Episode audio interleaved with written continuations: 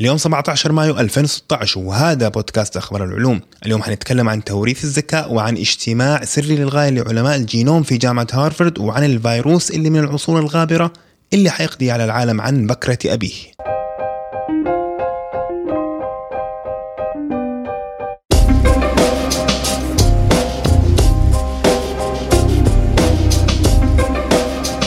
السلام عليكم. أنتم بتسمعوا بودكاست أخبار العلوم البودكاست المهتم بآخر أخبار العلوم من فيزياء وأحياء وكيمياء والشلة الباقية. أنا رامي طيبة ومعي الدكتور ساري صبان. كيف حالك يا دكتور؟ الحمد لله تمام. صباح الخير. صباح النور. إيش كيف كل شيء معك؟ الحمد لله الجو اليوم مرة حر. هتقول لي أنا درجة الحرارة عندي في السيارة كم؟ كانت 101 يعني تقريبا بتستخدم. الفهرنهايت؟ آه يس عشان مو شيء لا تطلع فيها كده بس عشان ال system حق السيارة أنا يهمني أكثر شيء آه ضغط الكفرات. والضغط الكفرات اللي أنا آه، وحدة الضغط اللي متعود عليها الأمريكية ال- اللي هي ال 35 و 34 بي اس اي بي اس اي فهذه اللي متعود عليها. فلو أبغى أعرف درجة الحرارة ال- السنتيجريد لازم أحول في ال system. ف yeah. خلاص اتعود على ال metric system أنا مرة ضد النظام الإمبريالي لا بس ال metric system في الضغط ما هو دق يعني بالنسبة بالنسبة للكفرات 2.4 2.5 مهم. يعني ما يعني ال resolution حقه مرة واطي. غير لما نشوف والله 35 و42 يعني وانت بتخفض درجة يعني تنسم الكفرات ولا تنفخ الكفرات يعني عشان أطلع البر كثير وكذا. فال resolution أوضح بالنسبة لي. بدل 2.4 و 2.3 ما أعرف إيش الفرق يعني فاهم قصدي؟ خلاص شيء تعودت عليه. Anyways. أنا ضد النظام الإمبريالي. Anyways. وأصحابي كثير هم فتحت معاهم معاهم بياخذوا على رأسهم مني دائما لما يكتبوا شيء بالفهرنهايت. ليه لأنه نظام إمبريالي يعني حتى ما هو منطقي. يعني درجة الحرارة حقت الفهرنهايت على على معدل الكحول مو على عد معدل الموية. ففجأة تلاقي درجة حرارة 30 طب إيش يعني 30 yeah yeah. برد. لا أنا معك أنا معك تمام 100% بس عشان النقطة هذه. أتحولت مرة كده احتجت شيء ده وفضلت زي كده وتعودت على على على وحدة الضغط ال PSI المهم درجة الحراره اليوم فوق ال 40 yeah yeah. 101 يعني 40 تقريبا. آه في أخبار في خبر تاني ما له دخل في العلوم له دخل في البودكاست. قررنا نغير الاسم. أيوه. آه تبغى تقول الاسم يا دكتور علم dot FM. علم FM. علم FM. هو ال- ال- الموقع حيكون علم dot FM. لسه ما اشترينا. فيبغى الحين كده انت ورطنا. الحين لازم نشتريه قبل ما ننزل الحلقة. شكرا. آه بس أخذنا التويتر والإنستغرام. آه آه علم ELM underscore FM مزبوط فخبر طلع من كام يوم إنه الذكاء وراثي. آه عرفنا ذكائك جاء من مين؟ لا مو على كده. من, من دكتور سعود. ولا ما هو دكتور, دكتور، لا. سعود سعود صبان. أبويا رجل أعمال. ما شاء الله. مم. لا بس الفكرة الأساسية هي إنه ناس كتير لفترة طويلة كانوا بي... كانوا يبغوا يعرفوا هل الذكاء وراثي ولا لا؟ هل إحنا نورث الذكاء ولا هو هل إحنا نكتسبه من الطبيعة حقتنا من المدرسة من آه، آه، تربية أهالينا من هكذا. فطلع منشورة ولا مقالة علمية بتقول إنه احصائيا اكتشفنا إنه على الأقل جزء من الذكاء وراثي. الإحصائية بتقول إنه لقوا آه، 47 آه، 74 آه، دلائل آه، آه، جينية. هذا معناته إنه ما لقوا جينات معينة إذا الإنسان عنده هذا الجين أو إذا ما عنده هذا الجين حيكون ذكي ولا ما هو ذكي لكن لقوا دلائل. بمعنى آخر إنه لقوا مناطق في ال DNA لما بتكون على لما بتكون موجودة في البني آدم آه، بيفضل مدة طويلة ي- يدرس في المدرسة. وإذا ما هي موجودة اكتشفوا إنه الإنسان ما بيطول كثير في المدرسة. بس يعني هل يعني واحد يطول في مدرسة هل هذا دليل ذكاء أصلا ولا لا؟ ما هو- بالعكس ممكن أنا أشوف ممكن دليل غباء إنه يطول في المدرسة مع ال- ال systems حق المدارس اللي عندنا اليومين دي. لا الفكرة الأساسية إنه ما تقدر انت تحسب الذكاء. هتحسبه كيف؟ هل الذكاء هو الإنسان اللي بيعمل رياضات كويس؟ ولا هل هو الإنسان اللي بيبرمج كمبيوتر كويس؟ ولا هل هو الإنسان اللي بيدرس أحياء كويس؟ ولا هل هو الإنسان اللي بيرسم كويس؟ فما عندك انت معدل تحسب فيه الذكاء وتقدر تطبقه على كل الناس. فهذه المشكلة. فهم قالوا طيب خلينا نشوف نعمل إحنا معدل معين إنه الإنسان الذكي هو اللي بيطول في التدريس. مو إنه يطول ياخذ مدة طويلة يدرس بس إنه بيقعد مثلا آه، مدرسة جامعة ماجستير دكتوراه هكذا. فعملوا الإحصائية أول شيء الإحصائية عملوها على أوروبيين. فهذه إحصائية بدائية ما نقدر نطبقها على العالم كله. لكن إحصائية برضو مرة كبيرة لأنه آه، أجروها على 300 ألف شخص. فما هو سهل إنك تجيب 300 ألف شخص وتدرسهم. كيف جابوا ال DNA حق 300 ألف شخص؟ الحقيقة ما أعرف التفاصيل هذه. هل هم راحوا أخذوها منهم على طول ولا إنهم شافوا المع... ال medical history حقهم. لكن عملوا إحصائية على 300 ألف شخص. طبعا الموضوع ما هو سهل ويكلف مرة كثير ويأخذ فترة طويلة لكن من الإحصائية هذه لقوا إنه في 47 علامة في ال DNA دحين العلماء نفسهم اللي أجروا ال- البحث هذا بيقول لك إنه إحنا نعتقد إنه صح إنه إحنا عندنا 47 علامة بس هذه من الجينوم النهائي حق البشرية حق البشر يكون فقط أقل من آه، نص في المية من الجينوم كله. فيعني ما هو- شيء مرة مرة كبير أو ممكن يكون له تأثير مرة كبير. آه، وفي نفس الوقت كانوا بيقولوا إنه إحنا ما نعتقد إنه وجود هذه ال- ال- الدلائل آه، تدل إنه الإنسان ذكي ولا لأ. على الأقل إنه إذا حتأثر فيه ما حتأثر فيه زي ما الطبيعة تأثر فيه. واضح إيش أنا بحاول أقول؟ امم yeah. يعني اللي هي السؤال الأبدي nature or nurture بالضبط هو ده. أيوه يعني هل أنت بتورث الذكاء حقيقيا ولا إنه العوامل اللي حوالينك حتى لو أنت بتور- بتورث جزء منه هل العوامل اللي حوالينك هي اللي بتديك القدرة إنك أنت تفكر والقدرة إنك أنت تحلل وهكذا؟ أنا أتخيل لو واحد يعني هذا اعتقاد طبعا غير مبني على أساس علمي بس لو واحد عنده الجينات حقت الذكاء واتحط في بيئة غير آه، يعني مناسبة مناسبة. لل... لل... إنه يكون ذكي ولا للتعلم ولاكتساب آه، المهارات المختلفة. آه، ما حيطلع ذكي مظبوط.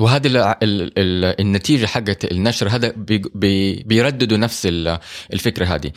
إنه صح إحنا لقينا دلائل في ال DNA لكن إحنا نعتقد إنه لسه ال ال ال الطبيعة تطغي على التأثير الوراثي. يعني ال- الخلفية حقت خلفية عائلة الطفل زي مثلا الحالة الاجتماعية الحالة الاقتصادية الحالة التعليمية هي اللي لسه بتأثر على الطفل وتحدد هل هو يطلع ذكي ولا هو ما يطلع ذكي بس يعني على النقيض في حالات كثير تسمع عنها إنه مثلا واحد يكون آه طفل يكون طلع في بيئة سيئة مثلا. إخوانه مدمنين مخدرات.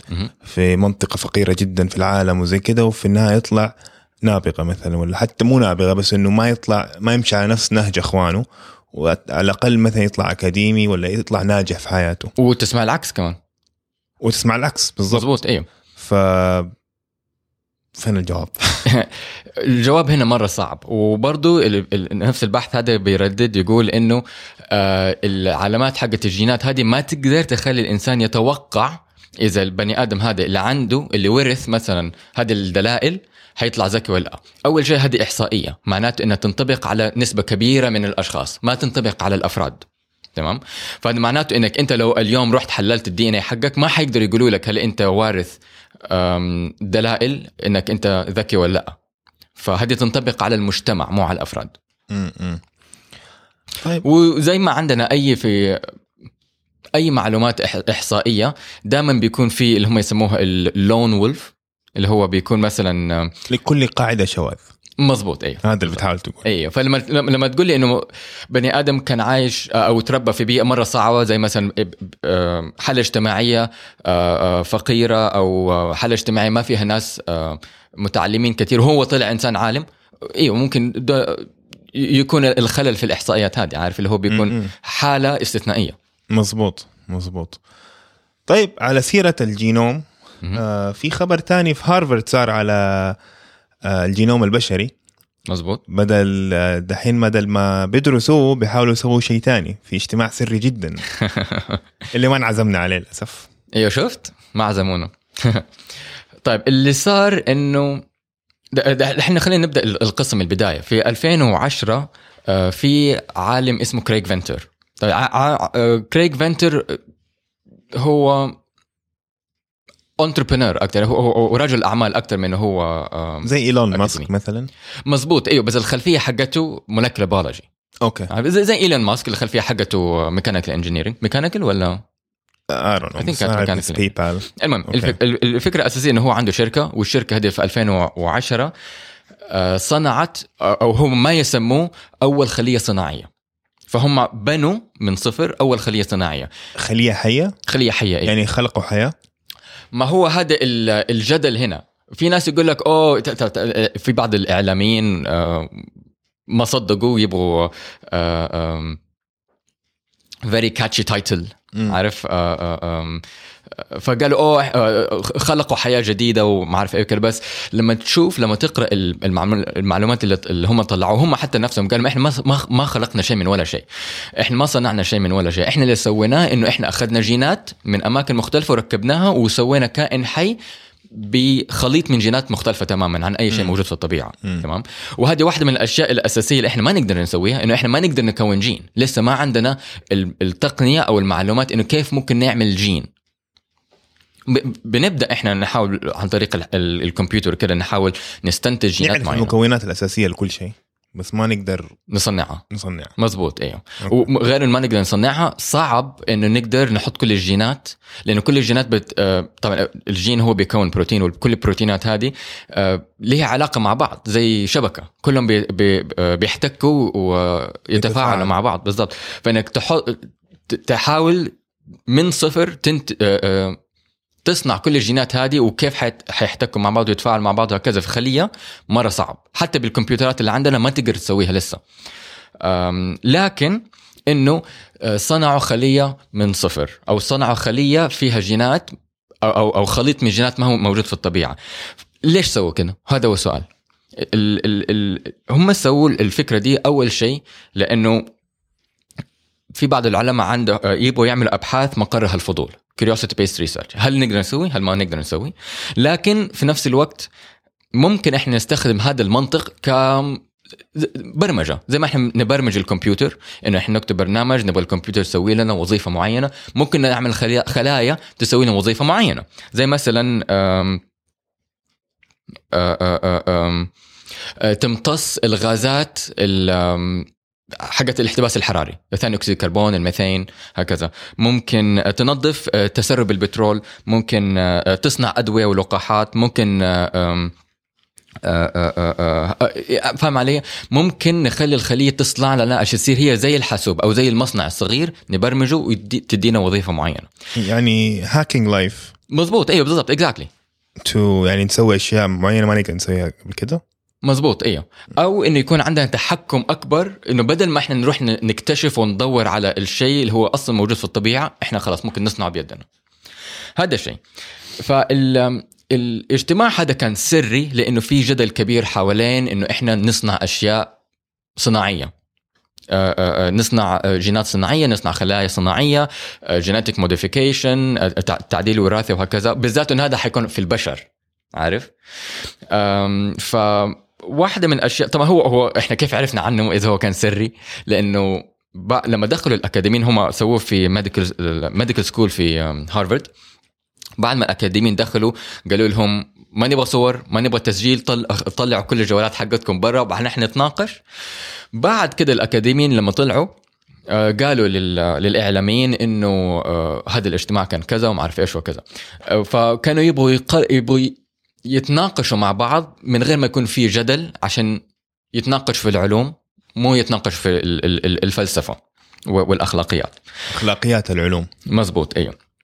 فواحد من يضطروا يدافعوا نفسهم قدام الإعلام ويصير لك مظاهرات قدام المركز المركز ولا الجامعة مزبوط يبغوا أيوة. يتجنبوا مزبوط. كله. على الأقل يعني في البداية يبغوا يتناقش بالضبط يتجنبوه في البداية على الأقل يتناقشوا بعدين لما يكونوا الفكرة ال- ال- النهائية يبدأوا يت- يتواصلوا مع المجتمع لكن واحدة من الأشياء اللي كانوا بيقولوها إنه هذا إحنا ما حنصنع بشر أو أو, أو بني آدم صناعي إحنا حنعمل خلايا فقط أنت ما ذكرت أصلا الهدف من الاجتماع ده ذكرت ال- ال- ال- الهدف برضو آه، زي ما أنا قلت لك ال- ال- الخلية الصناعية إنه إحنا ممكن نتحكم في آه، آه، بس الفرق دحين خلايا بشريه الآن. نتكلم عن الخلايا البشرية مو أيوه. خلايا مو بكتيريا. بكتيريا أيوه مزبوط أيوه إحنا نبغى نسويها في خلايا بشرية ما حنمسك الخلايا البشرية هذه ونطلع منها بني آدم لكن ال... نبغى نصنع إحنا خلايا بشرية عشان أول شيء أبحاث مقرها الفضول هل نقدر نسوي هذا الشيء ولا لا؟ هل نقدر آه، نكون التقنية هذه ولا لا؟ وفي نفس الوقت ممكن إذا كوناها نصنع شيء مفيد زي نصنع آه، خلايا بشرية عشانها بشرية فالنواتج حقتها أقرب للأشياء اللي حنستفيد منها آه، زي مثلا لقاحات أدوية آه، أكتشافات ضد السرطان أشياء زي كذا اي بس يعني لو أنت تشوف مثلا كل آه، القصص والأفلام اللي تكون فيها نهاية البشرية ولا ال ال ال آه، الأفلام اللي هي زي ماتريكس وكذا. إنه دائما يبدأوا بغلطة سموير الموضوع هذا ما تعرف ممكن هذا الشيء يكون بعد 30 سنة إنه والله يصير الناس صار عندنا ترمينيتر و have سكاي نت بسبب والله عام 2016 سووا اجتماع و وبعدين واحد من العلماء دولة يعني abused ولا اساء استخدام الشيء هذا بعد خمس سنين we have يعني يعني ممكن الموضوع ده يخرج عن السيطرة بسهولة. شوف وهذه دائما أول زاوية في الم- المناقشات الأخلاقية ضد ال- التقدم العلمي. إنه أوه إيش يحصل لو حصل غلط وانتهت البشرية؟ ما هي بدي السهولة. خليني أديك مثال مثلا. إحنا آه، واحد من أكبر ال- الجدل اللي حصل في الخمس سنين اللي فاتت هو إنه في آم، مجموعة بحثية في هولندا عملت فيروس الانفلونزا ممكن يموت 60% من البشرية. طيب. وفينه دحين ده؟ محبوس سموير هو محبوس إيوه. الجدل إنه الجدل الكبير كان إنه يبغوا ينشر البحث حقهم. ناتج أي بحث هو منشورة علمية مقالة علمية. يعني عشان ممكن كل أي- العلماء ممكن أي واحد في بيته ممكن يسوي الإنفلونزا. هذه كانت ال- ز- زاوية النقاش الأخلاقي. إنه في ناس في الحكومة الأمريكية كانوا بيقولوا إنه لا ما ينفع إنك أنت تنشر هذا ال- البحث لأنه ممكن ناس يستخدموه لإرهاب لأمراض يطلعوا على الناس وهكذا. في نفس الوقت طبعا طبعا هو في النهاية نشروا البحث. بكل شيء يعني ممكن ممكن اليوم تدخل على نيتشر سنة 2013 أعتقد كانت ولا 12 وتلاقي البحث بكل الطرق اللي هو ما صار شيء ما صار شيء لعدة أسباب، أول شيء إنه إنك تصنع. آه، فيروس جديد ما هو بدي السهولة، ودائما بيكون في رقابة.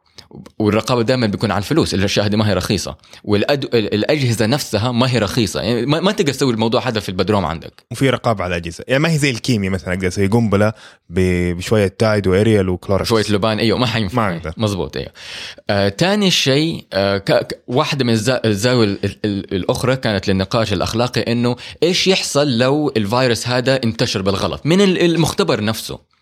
برضو الموضوع هذا ما هو بدي سهولة لأنه يعني أنت شفت الإيبولا مثلا إيش حصل فيها؟ ال- الإيبولا تموت آه، 40% من ال- ال- المصابين بها آه، نسبة مرة عالية. لكن بالتقنية حقتنا بالمنطق وال- والرياضيات نقدر نحصر الموضوع هذا إذا طلع. هو أصلا صعب إنه يطلع من المختبرات. ردة الفعل حق يعني لما تقول والله إنه هذا الفيروس ممكن يقتل 60% من البشرية. هذا كده بس شيء كده مطلق. ما أخذ في اعتبار ردة فعل البشرية. مزبوط أيوه. صح. هذا اللي. بتحاول تقوله. مزبوط أيوه. إحنا ما حنفضل نايمين ومطنشين ويقول يا عمي مشي حالك. لا لو طلع شيء زي كده أول شيء حنسويه إنه حنحاربه. حن... حنحصر الناس اللي هم. آه، آه، بيمرضوا منه. حنحصر المناطق ممكن ينتشر عبرها. ما حتنتهي البشرية عشان واحد فيروس طلع. طيب لو في فيروس طلع كان موجود في العصور القديمة مم. إيش حيصير هذه واحدة من الأشياء اللي الناس ما فكروا فيها لما بدأ الاحتباس الحراري مظبوط فالخبر الثالث يقول لك إنه مع الذوبان الغطاء الجليدي. في القطب الشمالي والجنوبي. بدأوا يكتشفوا فيروسات prehistoric أو إيش prehistoric عتيقة قديمة أي من أيام الديناصورات. المهم قبل آلاف السنين إحنا ما كنا نعرف عنها. طبعا هذا هذا آه، يمكن الخامس نوع فيروس اكتشفوه مهم. آه، من عام 2003 الفكرة إنه العلماء بدأوا آه، يعملوا تحاليل في ال- اللي يسموه ال perma ف- ال- ال permafrost frost اللي في سيبيريا. basically تعريف permafrost اللي هي أي أرض تكون آه، أرض يعني حجر ولا تراب يعني actual أرض مو جليد تكون تحت الصفر أكثر من سنتين. تمام أوكي. أوكي؟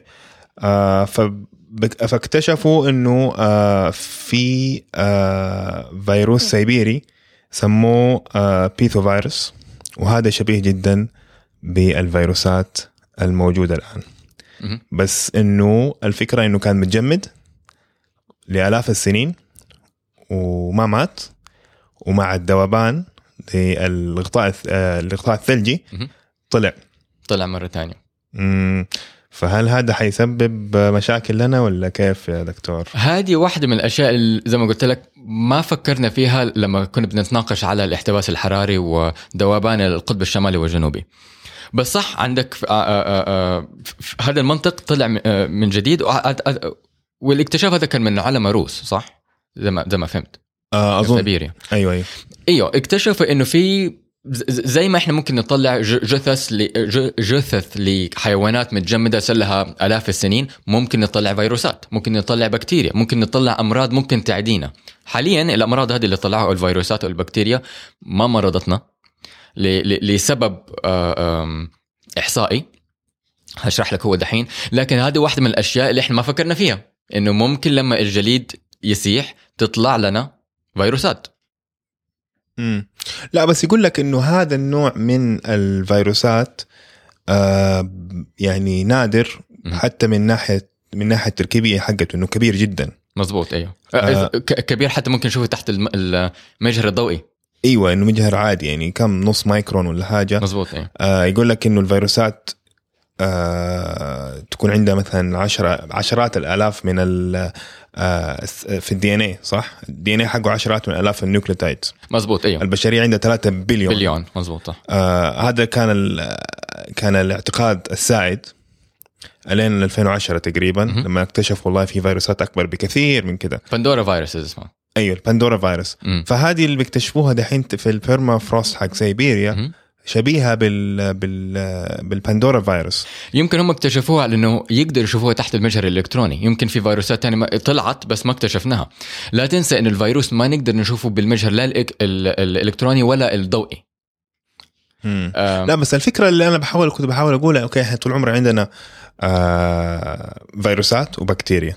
يمكن في شيء ثالث. أيوه في. تصنيف ثالث. في. وهو هذا الشيء لسه ما سميناه. في تصنيف ثالث ل برضو أشياء ممكن تمرضنا لأن ما هي كائنات حية الفيروسات ما هي كائنات حية. أه، اسمها prions هذا برضه شيء الفيروس ما هو شيء حي. ال- الفيروس ما هو كائن حي. ما هو ما هو تحت تصنيف الكائن الحي هو تحت تصنيف مادة كيميائية. يعني ما يموت. وهو أصلا ما هو حي. يعني أوكي بس أوكي.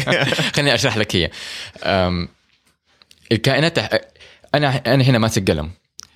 إيش كعالم إيش القوانين اللي أو ال- الصفات اللي تحتاج تكون في هذا القلم عشان أقول هذا القلم كائن حي ولا كائن غير حي. هي ست صفات. أوكي. تمام؟ هاتها. عندنا آه، آه، الأيض إنه يكون عنده metabolism. إنه يأكل إنه يخرج إنه يتكاثر إنه يكون حساس للطبيعة. إيش كانت سادس واحدة؟ تكاثر قلتها؟ اي قلت تكاثر. ماني فاكر. هي هي اسمها MRS NERG آه آه آه المهم المنطق النهائي هو طب الفيروس عنده كم من هذه؟ الحين حقول لك. إذا كل الصفات هذه انطبقت على القلم أنا أقدر أقول إنه القلم هذا كائن حي. هذا القلم بياكل بيش بس هذا تعريف بشري. ممكن يتغير. ممكن إيوه بس حاليا عشان نصنف الكائن الحي من كائن الغير حي هذه هي الصفات. ضروري الصفات هذه كلها تكون موجودة في الجسم عشان نقول ان هذا جسم كائن حي. فمثلا الفيروس ما يقدر ياكل ويشرب وما عنده أيض ما عنده ميتابوليزم فبالتالي ما بيكمل بس الصفات كلها بيتكاثر؟ يتكاثر بس مو لوحده. بيت- بيتكاثر عن طريق استخدام أجهزة خارج عن جسمه اللي هي أجهزة حقت الخلايا. فهمت علي؟ اللي بيغزوها. مظبوط أيوه. أوكي. فهو ما هو تحت تصنيف الكائن الحي. أوكي. نفس الشيء عندنا آه، بس البكتيريا كائن حي. اي طبعا البكتيريا كائن حي لأنه البكتيريا تتكاثر تتطور حساسة للطبيعة تأكل وتشرب وتخرج فعندها كل الصفات حقت الكائن الحي. مم. عندنا برضو مجسم آخر اسمه ال prion. ال prion أصغر من الفيروس هو عبارة عن فقط بروتين لكن يتكاثر بس ما يعتبر كائن حي. وهذه ال... أكثر شيء ممكن تلاقيه آه ال prions موجودة فيه هو ال... ال... ال... ال Alzheimer's فال prions ممكن تكون آه، أو تؤدي إلى مرض ال Alzheimer's ما نعرف أمراض أنا أنا شخصيا ما أعرف عن أمراض ثانية بسبب ال prions لكن مو كل الاشياء اللي تمرضنا بتكون كائنات حية واحدة من الفيروسات. طيب نرجع للموضوع الأساسي. آه اللي هو الاكتشاف هذا ولا يعني ذوبان الاغطيه الثلجية. الغلاف ال... بسبب الاحتباس الحراري. آه مو بس إنه والله بيسبب ممكن يسبب فيضانات. في أشياء تانية ممكن ما نعرفها. مظبوط. صحيح إنه ممكن الفيروس يعني آه من قراءتي في الموضوع ده إنه والله ما هو ذاك الموضوع الكبير. إنه في أشياء يعني آه، آه، أكبر. أكبر. غرق الناس وزي كده هذا أكبر من وهجرة الناس من السواحل. أيوه. يعني أنت لما تنط في البحر بتبلع ملايين من الفيروسات. مزبوط أيوه. أنت ف-. اليوم اليوم لو رحت البحر وأخذت كوباية هذه الكوباية موجودة منها بلايين فيروسات. مو معناته إنك أنت تخاف تسبح في البحر. لا بالعكس. أيوه. البحر مويه نظيفه نظيفة على حسب أنت فين في البحر. لكن الفيروسات الفيروسات حوالينا كلنا. الفكرة الأساسية هو هل الفيروس البروتينات حقته حترتبط مع البروتينات حقتنا ويمرضنا هذا هو السؤال الكبير. عشان كده كنت بقول لك إنه صح إنه هم طلعوا فيروسات ما قبل التاريخ prehistoric لكن مو ضروري إنها حتمرضنا. ممكن يعني. تمرض أشياء تانية ممكن تمرض محصول غذائي لينا نباتات حيوانات إحنا نستفيد منها كذا لكن غالبا ما حتمرضنا إحنا وغالبا ما حتؤدي إلى انتهاء البشرية. أيوه. لا بس هل هو في مشكلة تطابق؟ إنه دحين إحنا هذا مثلا الفيروس هذا موجود من ملايين السنين. محفوظ في بيئة معينة. و... وبعدين ال...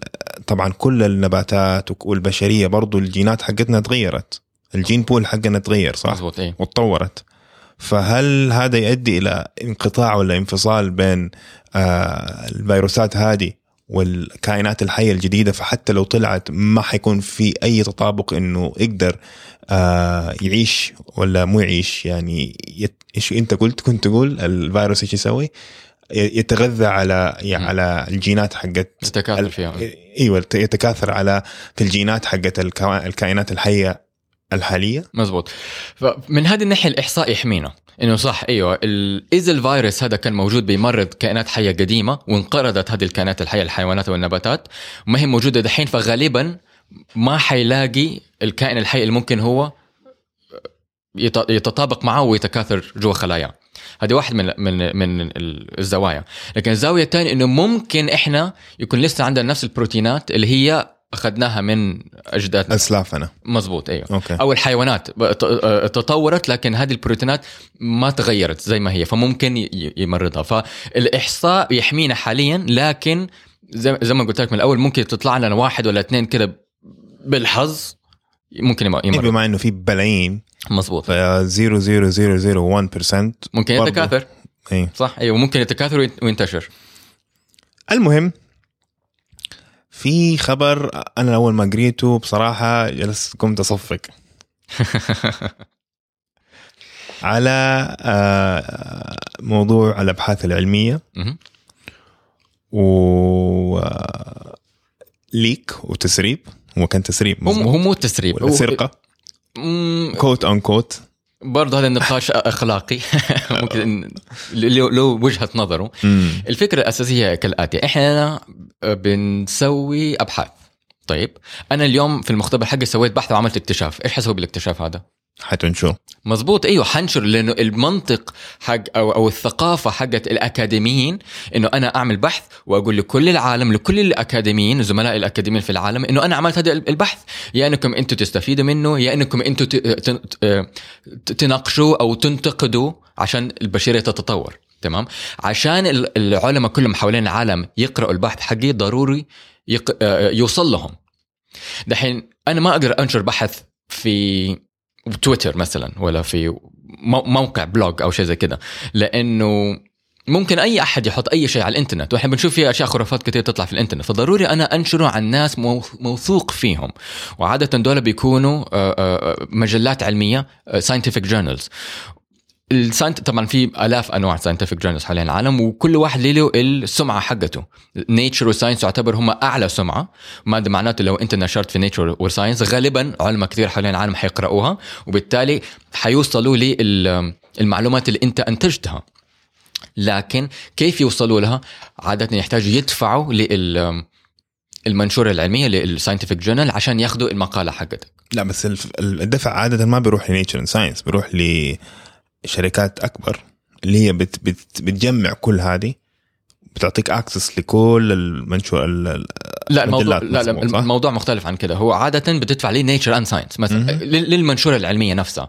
يا إنك أنت بتدفع لها تلقائيا ليهم هم على طول أو إنك أنت بتدفع عن زي ما قلت مثلا آه، آه، آه، موقع وهو بيدفع لهم. زي JSTOR و JSTOR و Elsevier I think في كم واحد كده من الشركات الكبيرة هذه تعطيك إيه. access لكل ال... Elsevier أصلا يملكوا نسبة كبيرة من ال- المنشورات العلمية ال scientific journals المجلات العلمية هم أصلا يملكوهم. عندهم هم ScienceDirect اللي هو الموقع الرئيسي حقهم اللي اللي يسمح لك تبحث كل المجلات العلمية حقتهم لكن هم أصلا يملكوا هذه المجلات العلمية فأنت لما لما بتدفع بتدفع لي Elsevier فالفكرة اللي بحاول أوصل لك هي إنه عندنا حاجز حاجز دفع لو أنا أبغى أوصل لي منشورة علمية حيقول لي هذه المنشورة العلمية موجودة هذا العنوان حقها هذا المختصر حقها لكن ما ما أقدر أديك هي كاملة غير لما تدفع لي مثلا 30 دولار 45 دولار م. 80 دولار فاهم علي؟ طيب إيش المشكلة؟ ال- ال- ال- المشكلة إنه مو كل الأكاديميين ممكن يوصلوا للمنشورات العلمية هذه فقط الأكاديميين يا إنه إنسان يكون مرة غني أو ال- الطريقة الطبيعية إنك أنت تكون تحت منظمة هي بتوفر لك هذه ال ال- الخدمة. زي مثلا إحنا عندنا في جامعة الملك عبد العزيز إحنا عندنا electronic services هذه ال- ال- الخدمة تسمح لك إنك ممكن تدخل على أي منشورة علمية أي مجلة علمية وتطلع المنشورات حقتها. تمام؟ أنا لو رحت البيت جيت أفتح مثلا قاعد في البيت. ولقيت آه، منشورة علمية جديدة أبغى أقرأها ما حقدر أسويها من البيت أحتاج أروح لحدة الجامعة ومن هناك أقدر أطلعها م. إذا أنت في منظمة ما بتوفر هذه ال- الخدمة ليك أنت كده ممنع من قراءة نسبة كبيرة من المنشورات العلمية أوكي فاللي صار إنه في واحدة اسمها ألكساندرا لا بس إباتيان. قبل ما هذا يعني نخش في الموضوع في الكسندرا مهم. أبغى بس أضيف إنه يعني كثير من المنشورات هذه ولا يعني يعني يمكن 90% من المنشورات هذه تكون آه يعني فندد. بالحكومات مزبوط إيوه فيعني أنت دحين الحكومات. جامعة مزبوط. الملك عبد العزيز بتدعمك. أوكي فمعنى هذا ال- البحث ملك البشرية. في الحالة هذه ملك مثلا الدولة السعودية. في أمريكا مثلا ملك آه اللي هم أمريكا. دافعين الضرائب. مزبوط أيوه فبعدين أنت بت- بت- بتنشر الشيء ده و Elsevier اسمه؟ Elsevier Elsevier ب... ب... بطريقة غير مباشرة. بتملكه وبتبيعه. وتعمل ربح منه. بتعمل ربح منه وتبيعه لأصحابه اللي هم دافعي الضرائب. هذه هي المشكلة. هذه هذه هذه هذه أكبر مشكلة أخلاقية. صح كلامك. إنه أنت بيكون عندك مثلا خلينا نأخذ مثال في أمريكا. عندك أنت الشعب الأمريكي بيدفع ضرائب للحكومة والحكومة بتأخذ هذه الضرائب طبعا بتوزعها لأماكن مختلفة وواحدة من الأماكن اللي بتوزعها هي البحوث العلمية. لو أنت جالك دعم من الحكومة لبحث علمي الفكرة الأساسية إنك أنت بترجعه للمجتمع اللي هو دفع لك له. هذا الم... هذا البحث العلمي اللي آه، آه، اللي هو الشعب بفكره آه، كبيره الشعب آه، اللي هو دعمك ضروري ترجع له هو ببلاش. عشان كده كل شيء حكومي بيكون ببلاش. لما تلاقي انت آه، بحث علمي مدعم الحكومة تلاقيه مفتوح ببلاش open source free لما تلاقي منتج مدعم الحكومة أو أو موقع مو- موقع الإنترنت من الحكومة حتلاقيه كله مفتوح ببلاش. ليش؟ عشان هذا المنطق الأساسي لأنه الناس نفسهم هم اللي دفعوا له أو. أو, أو اللي دعموه. فلما أنت تاخذ شيء حكومي أو شيء مدعم من الحكومة وتكفله وتبدأ تبيعه للناس بربح هذه لا مو ربح بسيط. يعني 30 دولار ترى مرة كثير إي بالضبط على ورقة والورقة عدد آه، آه، على منشورة وفي. آلاف من آلاف من الأوراق. آلاف. ملايين. آلاف من الالاف من الأوراق في السنة ولا أكثر أكثر حتى اي اي أنت كل كل يوم بتطلع أوراق جديدة. لو عملت RSS لاكبر خمسة ولا ست جورنالز حتلاقي تقريبا كل يوم بيطلع لك شيء جديد. ف أنت كده مو... أنت كده بتحط حاجز آه، حاجز مو بس كده.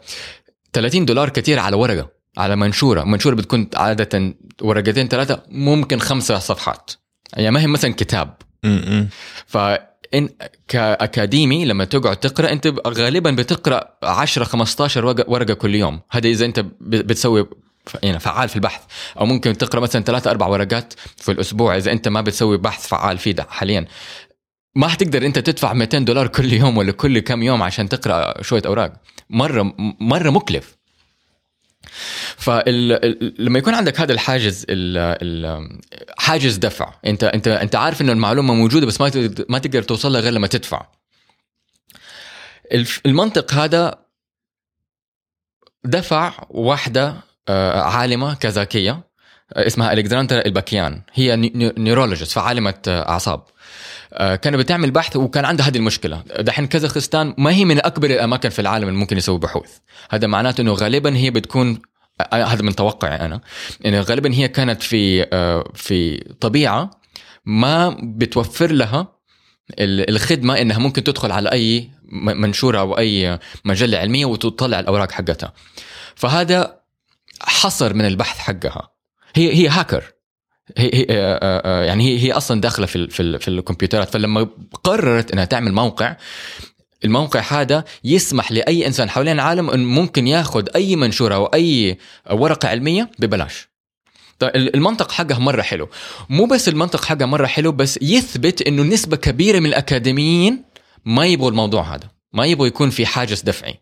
فهي إيش سوت؟ هي سوت موقع. أنت تدخل على الموقع. الموقع لما تدخل عليه ما في غير خانة بحث ما في ولا شيء ثاني تكتب المنشورة حقتك. عادة إحنا في المنشورات بيكون عندها رقم تسلسلي حوالين العالم كله. فال digital object identifier أو DOI فتحط ال digital object identifier وتلاقي لك الورقة حقتك. دحين إيش تسوي من جهة مختلفة عندك أكاديميين مجهولين حوالين العالم. برضو عندهم نفس المنطق إنه إحنا إحنا نبغى نوفر البحوث حقتنا للعالم كله ببلاش.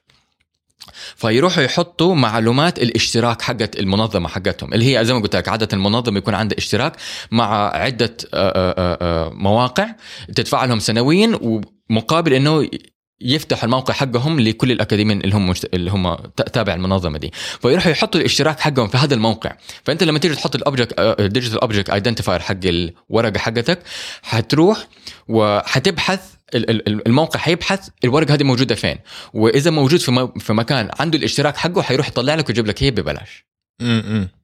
فهذا معناته إنه ما تحتاج انت هذه هذه الطريقة التقنية اللي اتعملت فيها. هذه الطريقة التقنية. هذا معناته إنه ما تحتاج أنت لكل إنسان آه، يحمل الورقة حقته. لا أنت الإنترنت كله مفتوح لك. طب هذا الشيء القوي في في الموقع هذا. بكرة الشركات تقفل الاكونتات هذه. قفلتها. طيب. وفي ناس ثانيين بيحطوا أو, أو بالأصح هي قفلت قفلت الموقع. فالسفير هو أكبر نشر علمي في العالم. آه، رافع قضية على الكسندرا و طبعا الموقع حاليا موجود في روسيا لكن السفير هي شركة أمريكية. ف بتقلها وبقوتها قدر تقفل الموقع فأنت لو دخلت على sai-hub.com تلاقيه مقفول. لكن الهاكرز دائما حيلاقوا طريقة مختلفة.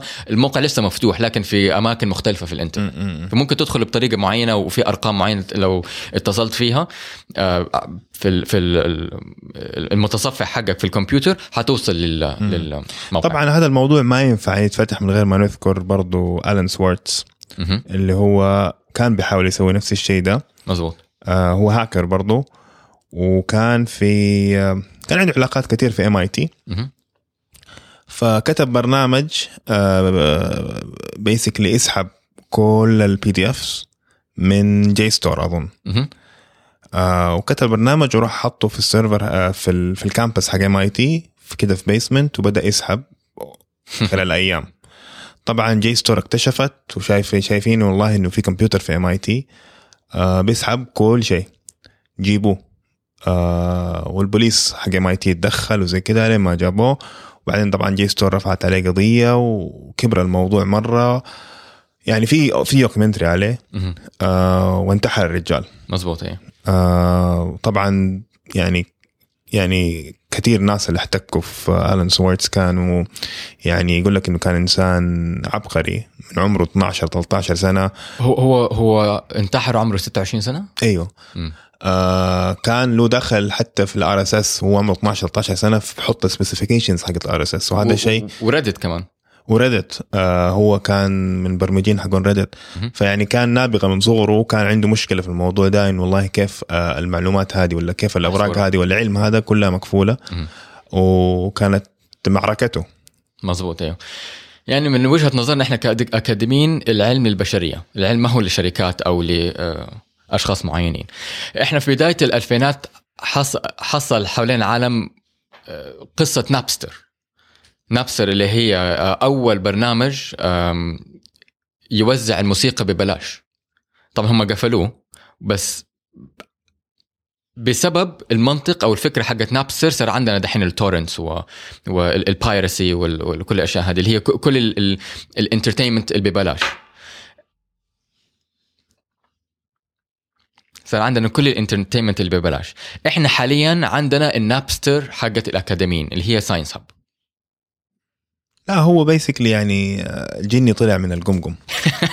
ما يقدر I don't يعني لا في ال music لا في ال movies ولا شيء. خلاص you have this شبكة معلومات والشبكة هذه يعني حتوصل المعلومة حتوصل المعلومة. مزبوط تقفل من هنا ما فرقت ولا تقفل لبكرة حيطلع لك آه مزبوط يطلع أيوه. لك مكان تاني.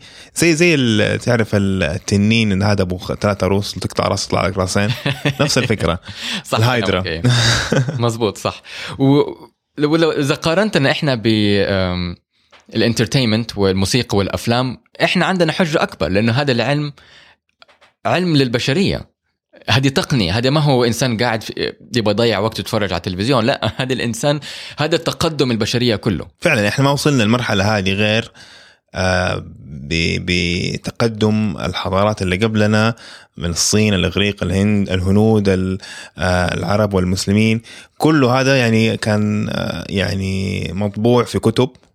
وفي مجلدات وإحنا أخذنا وقرأناه وبنينا فوقها أيوه كل حضارة بتاخذ من اللي قبلها وبتترجم و- تبني فوقها. وبتبني فوقها وبتاخذ الشعل مهم. فلما فجأة كده دحين تبغى توقف وتقفل كل شيء ما حنتقدم يعني بعد 200 300 سنة آه، حضارتنا ما حتنتقل للحضارة اللي بعدنا أو- الحضارة الغربية الآن ما حتنتقل لل- للي بعدها بعد يعني بعد اندثار الحضارة الغربية مثلا. وهذا شيء يعني حيصير هذا طبيعي. فأنا أشوف آه، هي دورة تاريخ الحياة. اي دوره الحياة. فإذا الغرب دحين قفل بالطريقة هذه ما حينتقل هذا العلم كله هو حينتقل مرة بشويش. بالضبط للحضارة ال- اللي بعدها. I don't know الكمبودية ولا الفيجية. ولا بس. طيب آه ناخذ كمان آخر ستوري ولا ولا آخر؟ شيء برضه شيء في الطب.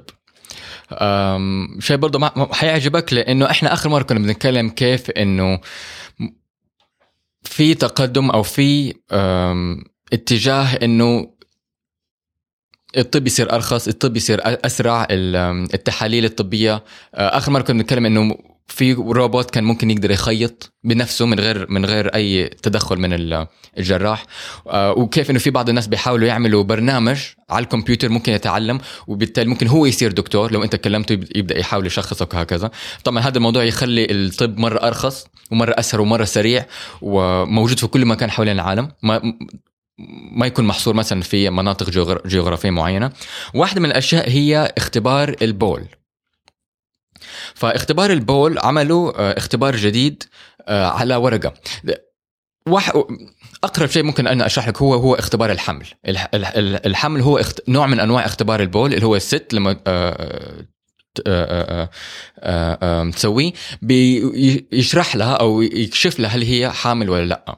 لكن اختبار البول هذا مو ضروري يكون فقط للحمل ممكن يكون لأمراض زي السكر معدل السكر في الدم عشان يكشف إذا في الإنسان عنده سكري أمراض يكشف أمراض الكلى أمراض الم- المسالك البولية حتى ممكن أنواع من أنواع السرطان.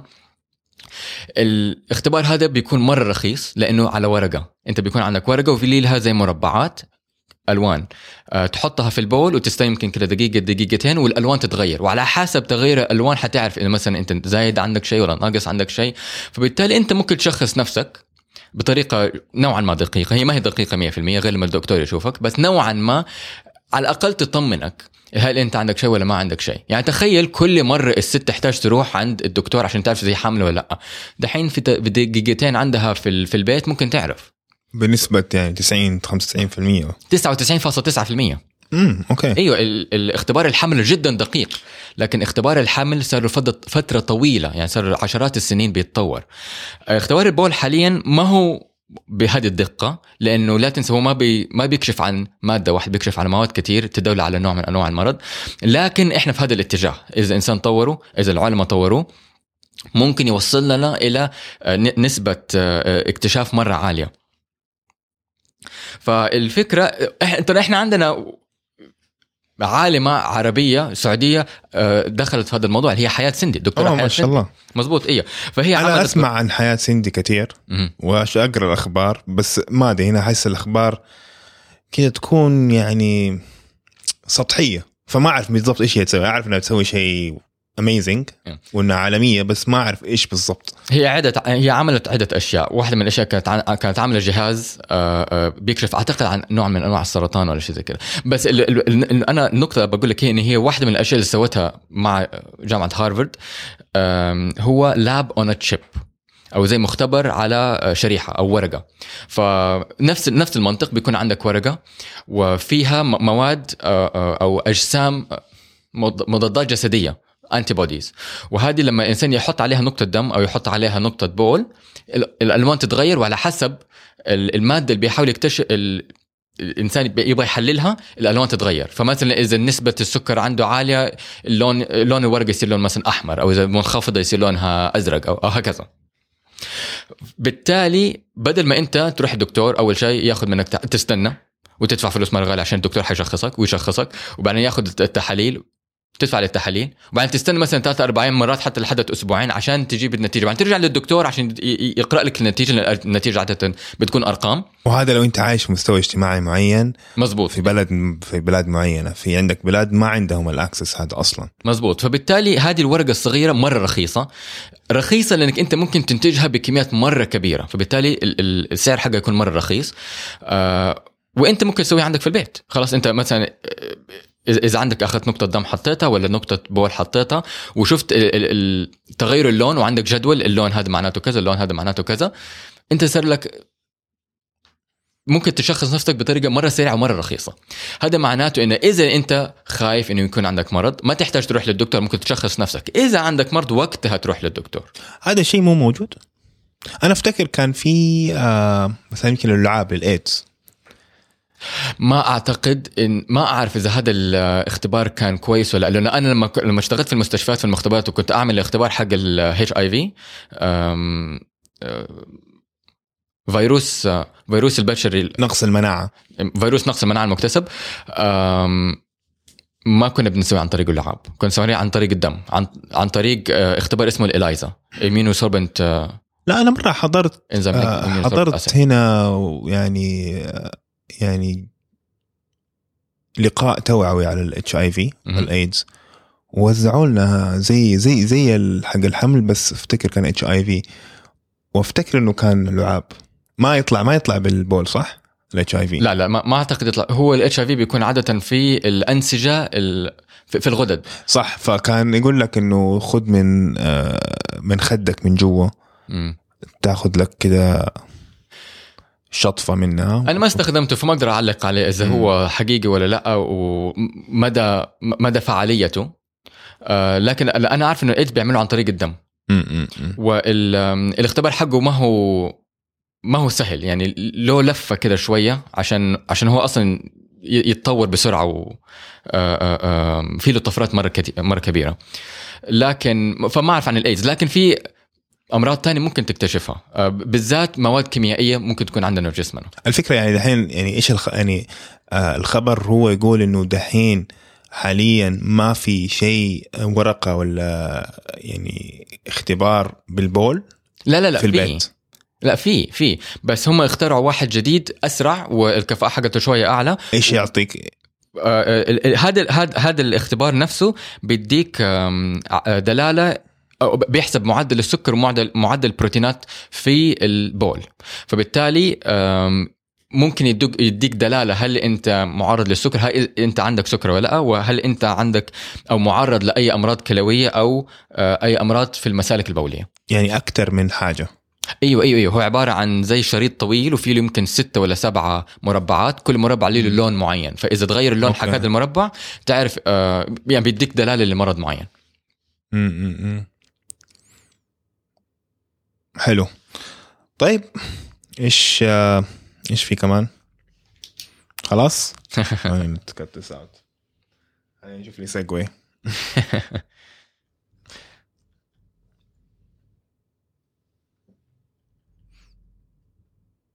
طيب هذا كله عندنا إحنا اليوم؟ طيب شكرا يا دكتور. والله. بصراحة يعني اليوم آه، في كده كم قصة كم خبر آه، تقال شوية تقال شوية في كان في حق ال GPS اللي تحت الموية بس ما ما أظن حيمدينا نسويه اليوم.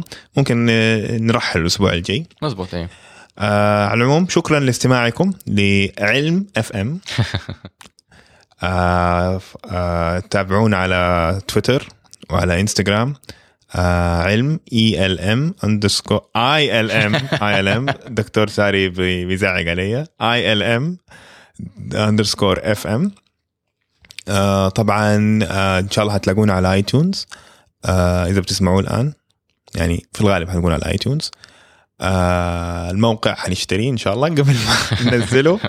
آه إذا. عجبكم ال- البودكاست آه بالله قولوا لنا على أي من قنوات التواصل الاجتماعي. آه أحسن أحسن أحسن شيء لو إنكم تعملوا لنا review على iTunes آه عشان بهذه الطريقة لما نطلع في ال- ال- القوائم حقت اي أكثر الناس الناس حيكتشفونا أكثر. وهذا هو أكثر شيء ممكن تفيدونا فيه. آه وخلاص في أي شيء اخر آخر شيء تبغى تقوله يا دكتور لا ولا كده بس. تمام؟ مهم. مية مية. سلام عليكم.